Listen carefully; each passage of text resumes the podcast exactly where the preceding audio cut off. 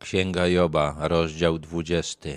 Na to odpowiedział Sofar z Naama i rzekł: Moje myśli skłaniają mnie do odpowiedzi, gdyż jestem wzburzony. Gdy słyszę naganę, która mnie boleśnie dotyka, wtedy zaś duch zgodnie z moim rozumieniem podsuwa mi odpowiedź. Sofar zareagował na mowę Joba oburzeniem. To, co usłyszał, dotknęło go osobiście. Uważał, że Job złośliwie go obraża. Czy nie znasz tej prawdy odwiecznej, od czasu, gdy człowiek pojawił się na ziemi, że wesele bezbożnych trwa krótko, a radość bezecnych jest chwilowa? Sofar powiedział Jobowi to samo, co mówiła cała trójka jego przyjaciół. Bóg jest sprawiedliwy, karze bezbożnych i niech Job wyciągnie z tego wnioski co do swojego losu. Choćby jego pycha sięgała aż do nieba, a jego głowa dotykała obłoków, to jednak zginie na zawsze jak jego własny gnój. Ci, co go widywali, mówią, gdzie się podział. Ulatuje jak sen. Nie znajdzie się go, znikł jak widziadło nocne. Oko, którego oglądało, już go nie ujrzy i już go nie zobaczy jego miejsce. Bezbożny ginie bez śladu. Jego znajomi, którzy często go oglądali, przestają go widzieć. To jest też chyba odpowiedź na to, co Job powiedział, że będzie widział Boga, tego, który przyzna mu sprawiedliwość. Sofar starał się go przekonać, że tylko siebie łudzi. Kiedy umrze, to nikt nie będzie go widział i on też nikogo nie będzie widział. Jego dzieci muszą powetować szkody ubogich, a jego ręce muszą oddać to, co wydarł. Jedną z głównych pokus dla bezbożnego jest możliwość kradzieży, grabienia słabszych, ale Sofar jest pewien, że bezbożny będzie musiał oddać wszystko to, co zagrabił, a jeśli nie on, to jego dzieci wynagrodzą wszystkie krzywdy, które wyrządził. Chociaż jego członki są pełne młodzieńczej siły, jednak musi ona spocząć wraz z nim w prochu. Na początku swojego życia bezbożny może być silny, ale ta jego siła się wyczerpie i nie uratuje go przed śmiercią.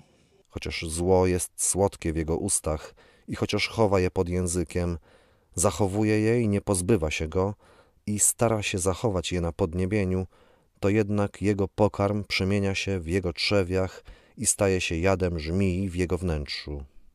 Bezbożny kocha się w swojej bezbożności, kocha swój grzech, ale ten grzech go w końcu zabije, zatruje go jak jad. Pochłonął bogactwa, lecz musi je wypluć. Bóg wypiera je z jego brzucha.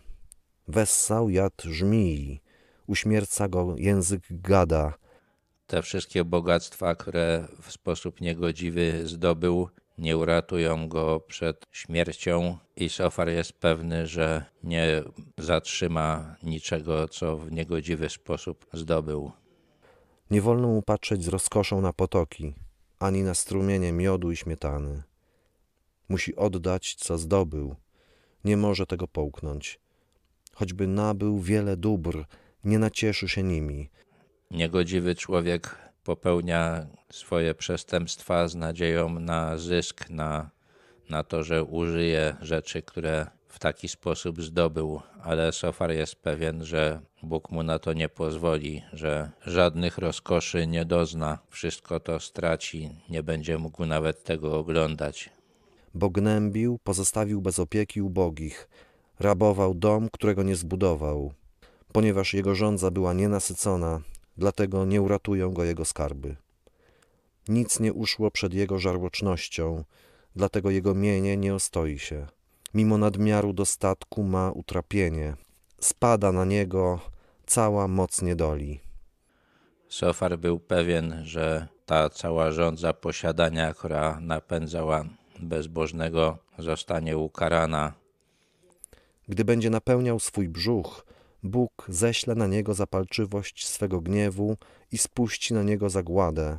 Gdy będzie uciekał przed bronią żelazną, łuk spiżowy przeszyje go.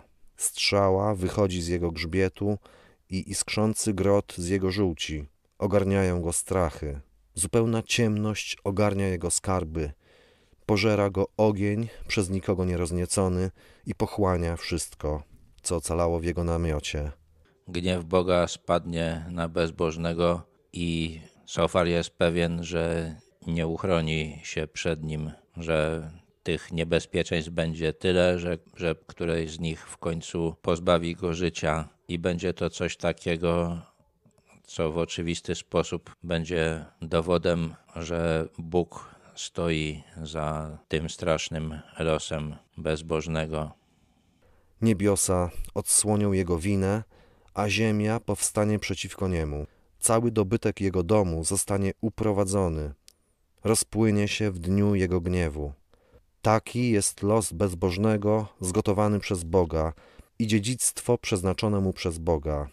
Sofar jest pewien, że kiedy Bóg będzie karał bezbożnego, to stanie się to w taki sposób, że cała jego wina zostanie odsłonięta i wszyscy ludzie będą to widzieli. Taki człowiek zginie i przepadnie wszystko, co zgromadził. To, co spotkało Joba, właściwie dokładnie odpowiadało temu losowi bezbożnego, który Sofar opisał, także łatwo się można było domyślić, że czekał tylko, aż zostanie odsłonięta wina Joba.